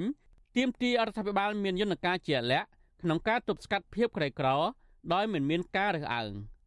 លោកសៀងមួយឡៃបន្តថាមន្ទីររៀបចំដែនដីនគររូបនីយកម្មសំណង់និងសូរិយោដីគួរតែផ្ដល់កម្មសិទ្ធិដីធ្លីដល់ប្រជាពលរដ្ឋក្រីក្រដែលបានតាំងទីលំនៅលើដីដែលពួកគេកំពុងតែរស់នៅយូរយារណាស់មកហើយនោះ។ ខាងក្រសួងដែនដីគួរតែពិចារណានៅក្នុងការផ្ដល់នៅកម្មសិទ្ធិទៅដល់ប្រជាពលរដ្ឋជាពិសេសសហគមន៍ក្រីក្រដែលគាត់អាចអភិវឌ្ឍនៅនឹងកន្លែងបានបន្ថែមពីនោះខាងក្រសួងក៏ដូចជាស្ថាប័នដែលស្ថិតក្រោមយុទ្ធធិការរបស់ក្រសួងគួរពិចារណាឲ្យមានគំរូនៃការអភិវឌ្ឍនៅនឹងកន្លែងដោយកែច្នៃពីសហគមន៍ដែលមានលំនៅឋានមិនរៀបរយទៅជាកន្លែងមួយដែលជាដែលជាគំរូសម្រាប់ទីតាំងផ្សេងៗទៀតនៃការអភិវឌ្ឍសហគមន៍ក្រីក្រនៅក្នុងរាជធានី ទីតាំងចំនួន191ក្នុងរាជធានីភ្នំពេញដែលអង្គការសមាគមធៀងថ្នោតរកឃើញបរិវត្តកំពុងតែរស់នៅក្នុងភាពក្រីក្រ រួមមានតំបន់ច្រាំងចម្រេះតំបន់ស្ទឹងមានជ័យតំបន់ផ្លូវរថភ្លើង និងតំបន់បូរីកៃឡាជាដើមខ្ញុំម៉ាទីនសាការីយ៉ាអស៊ីសេរីពីរដ្ឋធានី Washington ចាលោកអ្នកស្ដាប់យុតិមេត្រីនៅអាខេតព្រៃវែងនៅវិញ ប្រជាពលរដ្ឋរស់នៅស្រុកមេសាងស្នើដល់រដ្ឋាភិបាលអាណត្តិថ្មីឲ្យជួយសង្គ្រោះប្រែតជីផុចដែលនៅតែរងការចាក់ដីលុបឲ្យគោករាក់ទើតែទាំងស្រុងដោយគ្មានការអនុវត្តច្បាប់នៅឡើយអ្នកភូមិខ្លះចោទអាជ្ញាធរខេត្តនេះថាបានខុបខិតគ្នាជាប្រព័ន្ធច្បាមយកសម្បត្តិជាតិហើយផ្កើនឹងបាត់បញ្ជារបស់រដ្ឋាភិបាលចាលោកជាតិចំណាននៃការព័ត៌មាននេះ សកម្មភាពចាក់ដីលុបព្រែកនៅបឹងបួរនៅក្នុងស្រុកមេសាងខេត្តព្រៃវែងឲ្យគោករាក់ដើម្បីរំលោភយកដីសាធារណៈរបស់រដ្ឋលក់ធ្វើអាជីវកម្មនៅតែបន្តកើតមានច្រើនដោយគ្មានវិធានការច្បាប់នៅឡើយទេមកដល់ពេលនេះមន្ត្រីសង្គមស៊ីវិលនិងពលរដ្ឋថាអតីតអភិបាលខេត្តព្រៃវែងលោកជាសុមេធីបច្ចុប្បន្នជារដ្ឋមន្ត្រីក្រសួងសង្គមគិច្ចអតីតយុវជននិងយុវនីតិសម្បទាថាបានខົບខិតគ្នាកេងប្រវ័ញ្ចសម្បត្តិជាតិដោយមិនក្រែងចិត្តពលរដ្ឋនិងមិនញញើតច្បាប់នោះឡើយ។ បដិជគុណគង់នៅវត្តមួយនៅក្នុងស្រុកមេសាងខេត្តព្រៃវែងព្រះនាមផនផាន់មានត្រាដីកាថាព្រះជីថុចជាកន្លែងស្តុកទឹកយ៉ាងសំខាន់សម្រាប់ឲ្យពលរដ្ឋជាច្រើនពាន់គ្រួសារទាញយកធ្វើកសិកម្មនិងនេសាទត្រីចិញ្ចឹមជីវិតវាត្រូវបានគេចាក់លុបឲ្យគោករាក់អស់ជាច្រើនហិកតាដោយគ្មានការទប់ស្កាត់នៅឡើយទេប្រជាជនបន្ថែមថាអាញាធរខេត្តនេះមិនបានយកចិត្តទុកដាក់ថែទាំសម្បត្តិជាតិឲ្យគង់វង្សឡើយតែផ្ទុយទៅវិញបណ្តែតបណ្ដោយឲ្យមានការចាក់ដីលុបព្រែកនៅបឹងបួស្ទើរគ្រប់តំបន់ ហើយកាលណាលុបព្រែកស្ទឹងអីហ្នឹងវាជាសម្បត្តិសាធារណៈណាមួយវាប៉ះពាល់ទៅដល់ជីវភាពពលរដ្ឋមូលដ្ឋានផងជួនទៅវាទឹកជន់លិចទៅវាហូរពេលភ្លៀងពេលអីរដូវផ្សាយហ្នឹងហើយជួនទៅខែប្រាំងទៅក៏អត់មានទឹកសម្រាប់ប្រើប្រាស់តាមបឹងបួអីគោកបីអីឬក៏គាត់អាស្រ័យផលហ្នឹងវាលែងមានទឹកទូទៅតាមទំនៀមទម្លាប់តាមប្រពៃណីជាលក្ខណៈគ្រួសារអីហ្នឹងគឺគាត់តែងតែអាស្រ័យផលចឹងទាំងប្រាំងទាំងភាសាមានតែបឹងបួស្ទឹងព្រែកហ្នឹងហើយ ព្រែកជីផុចមានទំហំផ្ទៃទឹករាប់រយហិកតាធំទូលាយដោយមានបណ្ដាញទឹកខ្វិតខ្វែងភ្ជាប់នឹងបឹងមេសាងដែលអ្នកស្រុកចាត់ទុកថាជាប្រភពរកប្រាក់ចំណូលមរិញស្ងួតនិងផ្ដល់ប្រយោជន៍ច្រើនដល់ប្រជាកសិកររាប់ពាន់គ្រួសារដើម្បីធ្វើកសិកម្មគ្រប់រដូវបច្ចុប្បន្នបឹងនេះបានក្លាយជាដីគោករះអស់រាប់សិបហិកតាដោយផ្នែកខ្លះត្រូវបានគេសាងសង់សំណង់រឹងធ្វើជាកន្លែងលំហែលក់អចលនទ្រព្យនិងរបងថ្មដោយក្រុមអ្នកមានលុយមានអំណាចខុបខិតជាមួយនឹងអាជ្ញាធរខេត្តនេះ សកម្មភាពចាក់ដីលុបព្រែកធម្មជាតិនេះធ្វើឡើងជាបន្តបន្ទាប់នៅរយៈពេលជាង1ឆ្នាំចុងក្រោយនេះពលរដ្ឋសោកស្ដាយទុនធានធម្មជាតិទាំងនោះដែលបានបន្សល់ទុកពីបុរាណកាលមកបែរជាហិនហោចនៅចំនួននេះពលរដ្ឋម្នាក់ទៀតលោកហិនសុផានីបារម្ភថានៅពេលដែលមានផ្ទះច្រើនសង់ជាប់នឹងផ្ទៃព្រែកដែលទៅតែនឹងចាក់លុបថ្មីថ្មីជៀសមិនផុតនឹងការបង្ហូរកាកសំណល់ទឹកលូបង្គន់និងសម្រាមចូលព្រែកដែលធ្វើឲ្យប៉ះពាល់ដល់សុខភាពសាធារណៈ និងសម្រស់ធម្មជាតិហើយការចាក់លូបការពៀនវាកាន់តែធ្ងន់ធ្ងរឥឡូវកន្លែងប្រេចពុជហ្នឹងវាកាន់តែពុះដីឡូឬក៏ធ្វើផ្ទះឬក៏ធ្វើកញ្ចក់ធ្វើអីជុំចិត្តទៅហើយហ្នឹងអញ្ចឹងមេរៀនប្រេចពុជហ្នឹងបានខ្ញុំខ្នះខ្នែងខ្ញុំប្រឹងប្រែងយកមេដៃនៃទប់ស្កាត់ហ្នឹងដើម្បីកុំឲ្យរីករាលដាលទៅបឹងមិសាងទៀតវិសុអសីសេរីមិនអាចតតងសុំការបំភ្លឺរឿងនេះពីអ្នកនាំពាក្យសាលាខេត្តព្រៃវែងនិងជាអភិបាលរងខេត្តលោកឡៃវណ្ណារាបាននៅឡើយទេនៅថ្ងៃទី12ខែកញ្ញា ថ្មីថ្មីនេះអ្នកភូមិបានចុះទៅដល់ទីតាំងចាក់លុបព្រែកនេះដោយថតវីដេអូនិងរូបភាព ដើម្បីបង្ហាញផុសតាងជាក់ស្ដែងពីទស្សនវិជ្ជាសំណង់រឹងមាំនិងកន្លែងពូដីលោលក់សង់នៅលើផ្ទៃព្រែកដែលមានអាគារធំធំរបងថ្ម និងដីក្រហមដែលគេទើបតែចាក់ចូលព្រែកឲ្យคล้ายជាគោករាក់ជុំវិញរឿងនេះមន្ត្រីប្រឹងរឹងសិទ្ធិអំណាចសហគមន៍មូលដ្ឋាននៃសមាគមអាត់ហុកលោកប៉ែនប៊ុនណាស្នើឲ្យរដ្ឋាភិបាលអាណត្តិថ្មីអនុវត្តតាមការបដិញ្ញាចិត្តរបស់ខ្លួន ដោយជំរុញឲ្យអាជ្ញាធរខេត្តព្រៃវែងទទួលខុសត្រូវចំពោះមុខច្បាប់ក្នុងរឿងនេះនិងកាយដីដែលចាក់លុបព្រែកនោះឲ្យដោយទម្រង់ដើមវិញតាមផ្លូវច្បាប់ទ្រព្យសម្បត្តិសាធារណៈបរិវត្តអត់មានអាជ្ញាយោកាទេអញ្ចឹងរាល់ចូលកាន់កាប់ទាំងឡាយណាដែលផ្ទុយពីច្បាប់អញ្ចឹងវានៅតែជាទ្រព្យសម្បត្តិបរិវត្តជាបរិវត្តដែលរស់នៅបែបដែលបានរឿងហ្នឹងត្រូវតែដាក់បណ្ដឹងបលហស្ថាប័នដែលទទួលខុសត្រូវក្នុងការការពារទ្រព្យសម្បត្តិបរិវត្តហើយបើសិនជាពិបាកពេក ការចូលទៅកាន់ការប្រត់បាត់បរិបទវាជាល្មើសព្រហ្មទណ្ឌអញ្ចឹងដាក់ទៅថាបានអាយកាតែម្ដងទៅដើម្បីជំរុញឲ្យមានការដកហូតយកទ្រព្យសម្បត្តិដែលរំលោភនោះមកជាទ្រព្យសម្បត្តិរបស់សាធារណបរិបទវិញមន្ត្រីសង្គមសិវិលរូបនេះចាត់ទុកទង្វើនេះជាគំរូអាក្រក់មួយដែលឆ្លុះបញ្ចាំងពីការអនុវត្តច្បាប់ទុនខ្សោយនិងអសមត្ថភាពក្នុងការការពារភោគទ្រព្យជាតិស្របតាមរដ្ឋធម្មនុញ្ញនិងអនុក្រឹត្យខ្ញុំបាទជាជំនាញ Visual Society ប្រធានាទី Washington ចាលោកអ្នកស្ដាប់ជទីមេត្រីនៅឯខេត្តមណ្ឌលគិរីវិញមន្ត្រីសង្គមស៊ីវិលអះអាងថាដីព្រៃសហគមន៍របស់ជនជាតិដើមភាគតិចជាច្រើនកន្លែងនៅក្នុងខេត្តនេះកំពុងរងការកាប់ទន្ទ្រានយកដីធ្វើជាកម្មសិទ្ធិនិងលួចកាប់ឈើប្រណិតយកទៅលក់តាមសិប្បកម្មហើយនឹងលក់ទៅប្រទេសវៀតណាមពីសំណាក់ក្រុមឈ្មួញដែលមានលុយមានអំណាចចាសសេចក្តីឬការពិស្ដារពីរឿងនេះលោកតានាងនឹងបានស្ដាប់នាពេលបន្តិចទៀតនេះ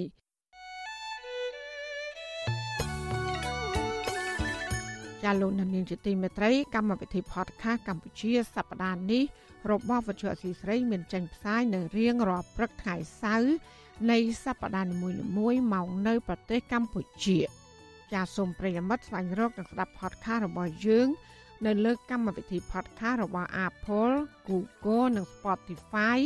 ដោយគ្រាន់តែសរសេរពាក្យថាកម្ពុជាសប្តាហ៍នេះឬ Cambodia This Week នៅក្នុងប្រអប់ស្វែងរក។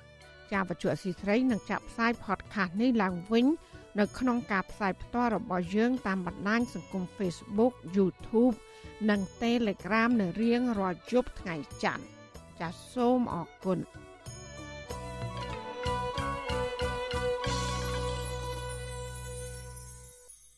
ចាលោកដានីជាទីមេត្រីមន្ត្រីសង្គមស៊ីវិលនិងប្រជាពលរដ្ឋរស់នៅខេត្តភៀកអេសាននៃប្រទេសកម្ពុជា ព្រួយបារម្ភពីអនាគតទន្លេមេគង្គដោយសារតែការបិទទ្វារទឹកទំនប់វារៈអគ្គិសនី នៅប្រទេសចិនឡាវនិងវៀតណាមពួកគាត់អះអាងថាការបិទទ្វារទឹកទំនប់ទាំងនេះបណ្ដាលឲ្យកម្រិតទឹកឡើងចុះមិនទៀងទាត់ប៉ះពាល់សន្តិសុខស្បៀងនិងប្រព័ន្ធធារាសាស្ត្រចាប់ពីរដ្ឋធានី Washington អ្នកស្រីសុជីវី មានសេចក្តីរាយការណ៍ពិស្ដារជំវិញព័ត៌មាននេះដូចតទៅអ្នកជំនាញបរិស្ថានសង្កេតឃើញថា ស្ថានភាពទឹកទន្លេមេគង្គប្រែប្រួលពីមួយឆ្នាំទៅមួយឆ្នាំមិនស្របនឹងលក្ខខណ្ឌធម្មជាតិកំពុងបង្កគ្រោះថ្នាក់ដល់ប្រព័ន្ធជីវៈចម្រុះនិងរុក្ខជាតិតាមដងទន្លេធ្វើឲ្យពិបាកបន្ស៊ាំខ្លួនទៅនឹងកម្រិតទឹកមិនទៀងទាត់នៅគ្រាដែលទំនប់វារីអគ្គិសនីនៅផ្នែកខាងលើនៃទន្លេមេគង្គបានបិទបើកទ្វារទឹកដើម្បីផលិតថាមពលអគ្គិសនីពួកគេសង្កេតឃើញថាការប្រែប្រួលកម្រិតទឹកទន្លេនៅក្នុងរយៈពេល24ម៉ោង អាស្រ័យទៅលើពេលវេលានៃតម្រូវការប្រើប្រាស់ធម្មពលអគិសនីនៃទំនប់វារីអគិសនីនៅផ្នែកខាងលើដែលធ្វើឲ្យប៉ះពាល់ធ្ងន់ធ្ងរទៅដល់ជីវភាពរបស់ប្រជាជនជាច្រើនលាននាក់រស់នៅតាមដងទន្លេមេគង្គដែលប្រើប្រាស់ទឹកទន្លេនិងនេសាទត្រីប្រជាសហគមន៍នេសាទរស់នៅសង្កាត់សាមគ្គីក្រុងស្ទឹងត្រែងខេត្តស្ទឹងត្រែងលោកលីវិចិត្រាប្រាប់វិទ្យុអាស៊ីសេរីនៅថ្ងៃទី13ខែកញ្ញាថារយៈពេល5ឆ្នាំកន្លងទៅនេះ ទឹកទន្លេមេគង្គឡើងចុះខុសប្រក្រតីបូកផ្សំនឹងការប្រែប្រួលអាកាសធាតុធ្វើឲ្យត្រីនិងជីវៈចម្រុះនៅក្នុងអាងទន្លេមេគង្គបាត់បង់ជាបន្តបន្ទាប់លោកថាសំបីតែរុក្ខជាតិនិងដើមឈើធំធំដុះតាមតំបន់កោះតូចតូចដែលអំណោយផលដល់ត្រីពងកូននិងសត្វស្លាបរស់នៅ កំពុងងាប់ជាបន្តបន្ទាប់ សង្កេតឃើញគឺរបបទឹកតែម្ដងទឹកគឺមានការប្រែប្រួលហ្មងព្រោះកន្លងមកយើងធ្លាប់ពីដូនពីតាមកតែមកខែ6ខែ7ហើយទឹកពេញទន្លេហើយឥឡូវយើងមកធៀបនឹងខែ9ហើយទឹកនៅតែបាត់ទន្លេនៅឡើយហើយតកតុំត្រីក៏ថយកាលណាទឹកធំយើងចរាចរណ៍របស់ត្រីវារឿងអឺរឿងសម្បូរដោយសារតែមានទឹកកើនឡើងច្រើនអញ្ចឹងទៅត្រីរឿងបកបកើនអាពងកូនហ្នឹងវាបានច្រើនតែនេះវារបបទឹកអត់នេះទៅត្រីក៏វាហូចទៅតាមនឹងប្រជាសហគមន៍សង្កេតឃើញថានៅគ្រាដែលទឹកទន្លេឡើងចុះមិនទៀងទាត់ ធ្វើឲ្យពលរដ្ឋជួបការលំបាកផ្នែកជីវភាព ការនេសាទត្រីលែងបាន ការបាត់បង់ពូជត្រីកម្រ ការថយចុះបាក់សីទឹក និងផលប៉ះពាល់ដល់វិស័យទេសចរជាដើមរីឯតំបន់រ៉ាំសាស្ថិតនៅដងទន្លេមេគង្គនៅក្នុងខេត្តស្ទឹងត្រែងជាប់នឹងព្រំដែនឡាវមានផ្ទៃដីជាង14000ហិកតា ដែលការពារដោយព្រះរាជក្រឹត្យឆ្នាំ1993ក្របដណ្ដប់ដោយព្រៃលិចទឹកនិងអន្លង់ជ្រៅជ្រៅវាលខ្សាច់ជង្រុកត្រីជាច្រើនរួមទាំងសត្វស្លាបចម្រុះ ក៏កំពុងប្រឈមការបាត់បង់ដែរដោយសារតែរបបទឹកមិនទៀងទាត់រុក្ខជាតិដែលជាជំរកត្រីពងកូននិងបាក់សីរស់នៅ កំពុងប្រឈមការគំរាមកំហែងធ្ងន់ធ្ងរបណ្ដាលឲ្យបាត់បង់កន្លែងត្រីបង្កកំណើតនៅក្នុងអាងទន្លេមេគង្គលោកលីវិចិត្រាបន្ថែមថានៅគ្រាដែលកម្រិតទឹកឡើងចុះឆាប់រហ័សខុសពីធម្មជាតិរុក្ខជាតិដូចជាស្លែសារាយនិងរុក្ខជាតិមួយចំនួនទៀតជាអាហាររបស់ត្រីក៏បាត់បង់ដែរ យើងឃើញថាដើមឈើព្រៃលិចទឹកមួយចំនួនដូចព្រៃអញ្ចែងដើមអញ្ចែងអីតាមដងទន្លេយើងចាប់ពីធំតំបន់រំសាឡើងទៅនេះយើងឃើញថាមានងាប់មានអីបាក់រលំដួលចង់សឹករិចរិលអស់ច្រើនមែនតើយើងឃើញជាក់ស្ដែងហ្មងហើយធនធានដូចជាត្រីនេះគឺថយចុះហ្មងហើយបើនិយាយរឿងផលប៉ះពាល់ឃើញថាទឹកវាចេះតែល្អក់ខុសប្រក្រតីអញ្ចឹងណាវាល្អក់មែនតើពលរដ្ឋរស់នៅតាមដងទន្លេសេសានក្នុងខេត្តរតនគិរីអ្នកស្រីសេវធីភ្ញាក់ផ្អើល នៅគ្រាដែលឃើញទឹកទន្លេសេសានបានរីងខះជាច្រើនថ្ងៃដែលមិនធ្លាប់មាន កាលពីចុងខែមេសា រហូតដល់ដើមខែឧសភា ឆ្នាំ2023នេះដោយសារតែភៀកគីវៀតណាមបិទទ្វារទំនប់វារីអគ្គិសនីយ៉ាលីយើងរកទិន្នផលត្រីអីធ្លាប់ប្រពៃណីដងបេតាយើងមកដែលធ្លាប់ធ្វើបន្លែបកាតាមដងទន្លេដាក់មងដាក់អីបានមកចិញ្ចឹមគ្រួសារវាបាត់បង់វាលែងមានអញ្ចឹងធ្វើឲ្យពិបាកហ្នឹងរាជរដ្ឋាភិបាលរាល់ការបើកទឹកបិទទឹកអីសូមអីប្រាប់ដល់ជាពលរដ្ឋផងហើយបើសិនជា ការបើកបិទអីទឹកនឹងមានផលប៉ះពាល់សូមឲ្យរដ្ឋាភិបាលក៏គួរគិតគូរដល់ជាពលរដ្ឋដែលគាត់រងផលប៉ះពាល់ផងហើយឲ្យយកចិត្តទុកដាក់ផងទៅគុំគិតទៅផលប្រយោជន៍វិទ្យុអាស៊ីសេរីនៅមិនទាន់អាចតាក់ទងសុំការបំភ្លឺរឿងនេះពីប្រធានគណៈកម្មាធិការគ្រប់គ្រងទន្លេមេគង្គជាតិកម្ពុជាលោកតែនាវុធបាននៅឡើយទេនៅថ្ងៃទី13ខែកញ្ញាដោយទូរស័ព្ទហៅចូលច្រើនដងតែគ្មានអ្នកលើកចំណែកអ្នកនាំពាក្យរដ្ឋាភិបាលលោកប៉ែនបូណា ក៏នៅមិនទាន់អាចតាក់ទងបានដែរនៅថ្ងៃដដែលនេះរបាយការណ៍របស់ស្ថាប័នត្រួតពិនិត្យទន្លេមេគង្គកត់ត្រាថាពេលនេះមានទំនប់វារីអគ្គិសនីតាមដងទន្លេមេគង្គចំនួន440ដែលក្នុងនោះមាន11ស្ថិតនៅក្នុងប្រទេសចិនដែលសាងសង់នៅតាមបណ្ដោយទន្លេមេគង្គទាំងមូលអ្នកជំនាញបរិស្ថានមើលឃើញថា ទំនប់វារីអគ្គិសនីរបស់ចិនស្ថិតនៅភាគខាងលើនៃទន្លេមេគង្គបានទប់ខ្សែទឹកនៅក្នុងខែវស្សា ហើយបញ្ចេញទឹកទាំងនោះចូលអាងទន្លេមេគង្គវិញនៅខែប្រាំងដើម្បីផលិតធម្មពលអគ្គិសនីប្រការនេះធ្វើឲ្យទន្លេមេគង្គប្រឈមខ្វះទឹកកាន់តែធ្ងន់បូកផ្សំនឹងអាកាសធាតុឡើងកម្ដៅប៉ះពាល់ដល់សន្តិសុខស្បៀងនិងភាពអត់ឃ្លានជាដើមបន្ថែមពីនេះទៀតនៅពេលមានគ្រោះរាំងស្ងួតនៅរដូវប្រាំងទំនប់វារីអគ្គិសនីរបស់ចិនអាចនឹងបិទទន្លេដែលកាន់តែអាក្រក់ទៅអាក្រក់ទៅបណ្ដាលឲ្យប្រជាជនជិត60លាននាក់ខ្វះខាតស្បៀងអាហារ ក្នុងនោះមានកម្ពុជាឡាវថៃនិងវៀតណាមដែលពឹងផ្អែកទៅលើទន្លេសម្រាប់កសិកម្មនិងនេសាទត្រីនាយកប្រតិបត្តិអង្គការបណ្ដាញការពារទន្លេ3លោកលៀងប៊ុនលៀបផ្ដល់ទស្សនៈថារដ្ឋាភិបាលកម្ពុជានិងគណៈកម្មាធិការទន្លេមេគង្គជាតិកម្ពុជា គួរតែបង្ហាញពីផលប៉ះពាល់ទាំងនេះនិងអន្តរាគមន៍ទៅរដ្ឋាភិបាលចិនរកមធ្យោបាយដោះស្រាយដើម្បីកាត់បន្ថយផលប៉ះពាល់បរិស្ថានឆ្លងដែន។ ប្រទេសកម្ពុជាគួរផ្ដល់ដំណឹងទៅប្រទេសដែលនៅខាងលើនឹងឯងជួយដំណឹងពីគាត់ឲ្យគាត់គ្រប់តាមច្បាប់អន្តរជាតិឲ្យគាត់រក្សាលំហហ្នឹងឲ្យវាបានដូចធម្មជាតិទៅឬមួយក៏រៀបចំជាជាការជូនដំណឹងកិច្ចសហការក្នុងការចែកចាយព័ត៌មានចែកចាយទិន្នន័យអំពីទឹកហ្នឹងដើម្បីដើម្បីធ្វើឲ្យការគ្រប់គ្រងមានរបៀបកាន់តែល្អប្រសើរឡើងកាលពីថ្ងៃទី7ខែកញ្ញាកន្លងទៅគណៈកម្មការទន្លេមេគង្គបានចេញផ្សាយរបាយការណ៍ប្រចាំឆ្នាំ2022របស់ខ្លួន ដែលកត់ត្រាលើបញ្ហាប្រឈមសំខាន់សំខាន់ក្នុងអាងទន្លេមេគង្គដែលទាមទារការយកចិត្តទុកដាក់ជាចម្បង ស្ថាប័នអន្តរជាតិមួយនេះបន្ថែមថាការស្ថាបនាទំនប់វារីអគ្គិសនី បង្កផលប៉ះពាល់ឆ្លងដែនទៅដល់ការផ្លាស់ទីរបស់ត្រីទឹកសាប និងលំហូរដីល្បាប់បញ្ហានេះទាមទារឲ្យមានការសិក្សារួមគ្នាមួយ បង្កើនកិច្ចសហប្រតិបត្តិការមេគង្គឡានឆាង ដើម្បីបន្ថែមការយល់ដឹងរួមគ្នា អំពីការផ្លាស់ប្តូររបបរំហូរទឹក ទន្លេមេគង្គមានប្រវែងជាង4000គីឡូម៉ែត្រហូរកាត់ប្រទេសចំនួន6រួមមាន កម្ពុជាវៀតណាមថៃចិន និងប្រទេសមីយ៉ាន់ម៉ាទន្លេនេះជាប្រភពអាហារចម្បងឬបន្ទាប់បន្សំសម្រាប់មនុស្សរាប់លាននាក់នៅក្នុងតំបន់នាងខ្ញុំសុជីវីវិទ្យុអាស៊ីសេរីពីរដ្ឋធានី Washington ា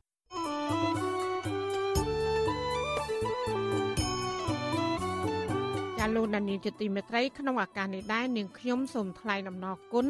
ដល់លោកដានៀងកញ្ញាទាំងអស់ដែលតែងតែមានភក្ដីភាព ចំពោះការផ្សាយរបស់យើងហើយចាត់ទុកការស្ដាប់វិទ្យុអសីសេរី គឺជាផ្នែកមួយនៃសកម្មភាពប្រចាំថ្ងៃរបស់លោកអ្នកការគ្រប់គ្រងរបស់លោកដានៀងនេះហើយដែលធ្វើយើងខ្ញុំមានទឹកចិត្តកាន់តែខ្លាំងថែមទៀតក្នុងការស្វែងរកនិងផ្តល់ព័ត៌មានជូនដល់លោកដានៀង ចាំមានអ្នកស្ដាប់អ្នកទេសនាកាន់តែច្រើនកាន់តែធ្វើយើងខ្ញុំមានភាពស្វាហាប់មោះមុតជាបន្តទៀតចាយើងខ្ញុំសូមអរគុណទុកជាមុនហើយក៏សូមអញ្ជើញលោកដានៀងកញ្ញាចូលរួមជំរុញឲ្យសកម្មភាពផ្ដល់ព័ត៌មានរបស់យើងនេះកាន់តែជោគជ័យបន្ថែមទៀតលោកដានៀងអាចជួយយើងខ្ញុំបានដោយគ្រាន់តែចុចចែករំលែកឬ share ការផ្សាយរបស់យើងនេះ នៅលើបណ្ដាញសង្គម Facebook និង YouTube ទៅកាន់មិត្តភ័ក្តិដើម្បីឲ្យការផ្សាយរបស់យើងនេះបានទៅដល់មនុស្សកាន់តែច្រើនចាសសូមអរគុណ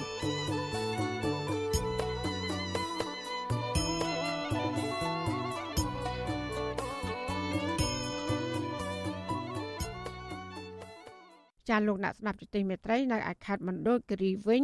មន្ត្រីសង្គមស៊ីវិលអះអាងថាដីព្រៃសហគមន៍របស់ជនជាតិដើមភាគតិចជាច្រើនកន្លែងនៅក្នុងខេត្តនេះ កំពុងរងការកាប់ទន្ទ្រានយកដីធ្វើជាកម្មសិទ្ធិ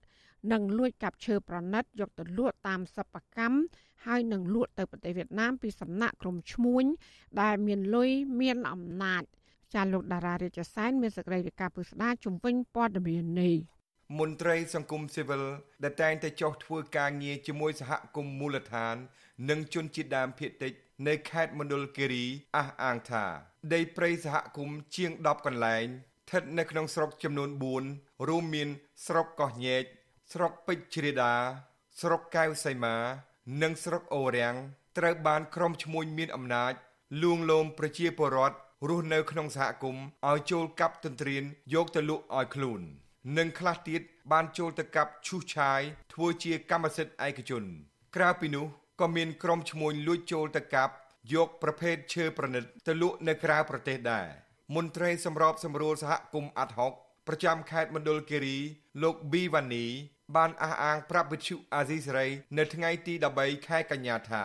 ដីព្រៃសហគមន៍នៅខេត្តមណ្ឌលគិរីជាង10កន្លែងផ្សេងគ្នា នៅតែរងការកាប់ទន្ទ្រានដី យកធ្វើជាកម្មសិទ្ធិបើទោះបីសហគមន៍ខិតខំការពារយ៉ាងណាក្តីលោកថាបញ្ហាទាំងអស់នេះកើតចេញពីអាជ្ញាធរនៅតំបន់នោះដែលមិនយកចិត្តទុកដាក់ការពារ ចំណែកឯអាជ្ញាធរមូលដ្ឋាន គឺជាអ្នកចូលរួមឲ្យមានការកាប់ទន្ទ្រាននេះតាមរយៈការចុះហត្ថលេខា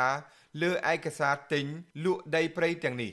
លោកបន្ថែមថាអាជ្ញាធរមិនបានអនុវត្តច្បាប់ទៅលើក្រុមជនល្មើសទាំងអស់នោះទេផ្ទុយទៅវិញ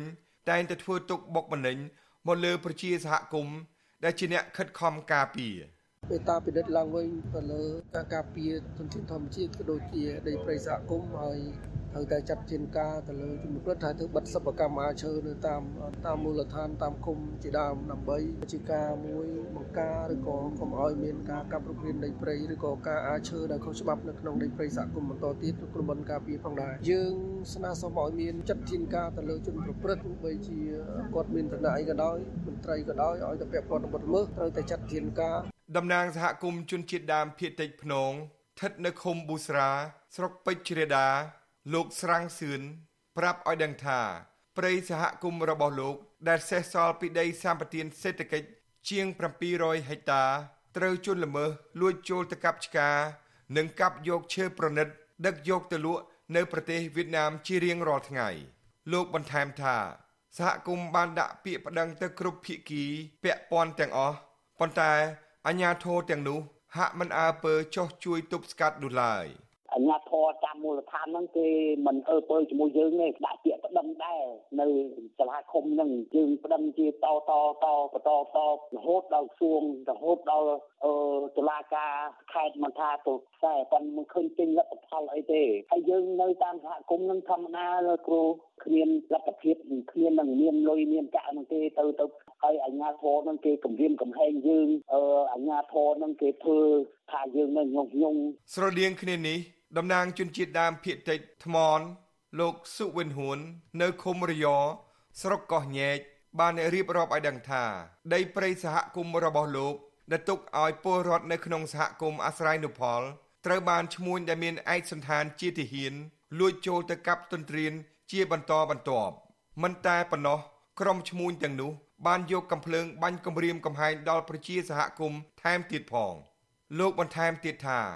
ក្រុមឈ្មួញបានកាប់ទន្ទ្រានដីព្រៃសហគមន៍របស់លោកអស់ជាង200ហិកតាហើយដោយមិនឃើញមានអាជ្ញាធរចោះជួយទប់ស្កាត់នោះទេទោះបីពួកគេបានស្នើសុំទៅអាជ្ញាធរយ៉ាងណាក្តីលោកថាសហគមន៍ពិបាកក្នុងការការពារដោយសារក្រុមឈ្មួញទាំងនោះ មានអាវុធនៅក្នុងដៃ អាញាធរគុំទៅគាត់អត់ដឹងអត់លឺបងដីហ្នឹងខ្ញុំទៅទៅពាក្យបណ្ដឹងដល់ខេត្តដលរីហើយដល់ខេត្តដលរីគេហៅខ្ញុំទៅជួបម្ដងហើយដល់ជួបហ្នឹងគេអត់ធ្វើការឲ្យពួកខ្ញុំថាអយុធធម៌ទេបងហើយនឹងបងប្អូនគេគាត់ដឹងឲ្យជួយតាមយុទ្ធធម៌ឲ្យពួកខ្ញុំផងមន្ត្រីសង្គមស៊ីវិលនិងប្រជាសហគមន៍ខេត្តមណ្ឌលគិរីទទូចទៅរដ្ឋាភិបាលថ្មីធ្វើយ៉ាងណាឲ្យអាជ្ញាធរថ្នាក់ជាតិចុះជួយទប់ស្កាត់បទល្មើសកាប់ទន្ទ្រានដីព្រៃ និងការពារឈើប្រណិត នៅក្នុងតំបន់ព្រៃឈើការពារផ្សេងទៀតឲ្យខានតែបាន ដើម្បីទុកព្រៃឈើសេសសល់សម្រាប់កូនចៅចំនួនក្រោយ ក្រៅពីនោះត្រូវស្វែងរកអ្នកដែលជាប់ពាក់ព័ន្ធយកមកផ្ដន់ទោសតាមច្បាប់ជុំវិញរឿងនេះវិទ្យុអាស៊ីសេរីមិនអាចតាក់ទងអភិបាលខេត្តមណ្ឌលគិរី លោកផនសវុននិងប្រធានមន្ទីរបរិស្ថានខេត្តមណ្ឌលគិរី លោកឆៅប៊ុនធឿនដើម្បីសុំការឆ្លើយតបបានទេ នៅថ្ងៃទី13ខែកញ្ញាដោយទូរស័ព្ទចូលច្រើនដងគ្មានអ្នកទទួល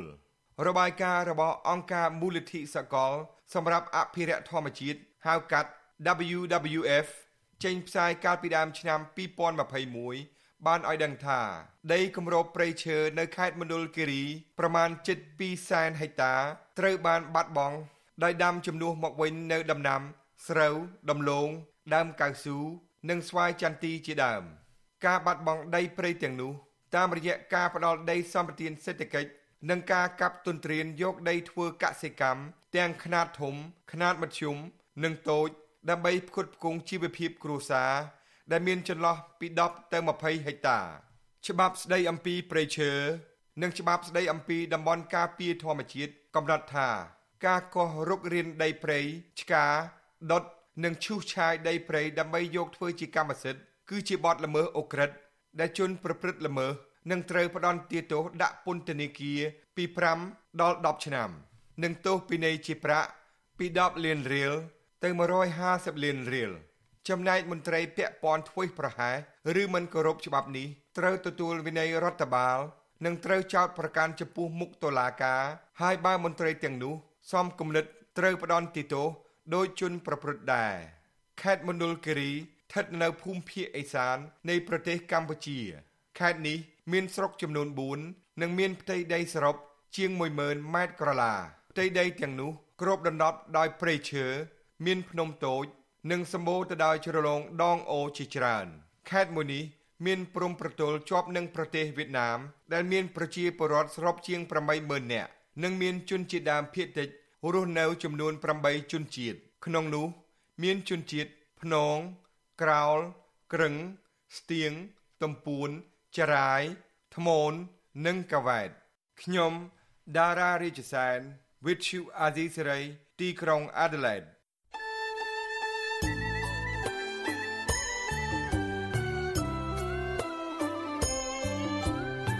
ចាលោកនាងកញ្ញាអ្នកស្ដាប់ជទីមេត្រីកັບផ្សាយរយៈពេល1ម៉ោងនៃវិទ្យុអាស៊ីសេរីជាភាសាខ្មែរនៅពេលនេះចាប់តែប៉ុណ្ណេះ ចាយើងខ្ញុំទាំងអស់គ្នាសូមជូនពរលោកលានាងព្រមទាំងក្រុមគូសាទាំងអស់សូមជួបប្រកបតែនឹងសេចក្តីសុខសេចក្តីចម្រើន ជានិរន្តរ៍ចានាងខ្ញុំម៉ៃសុធានីព្រមទាំងក្រុមការងារទាំងអស់នៃវិទ្យុអសីស្រីសូមអរគុណនិងសូមជម្រាបលា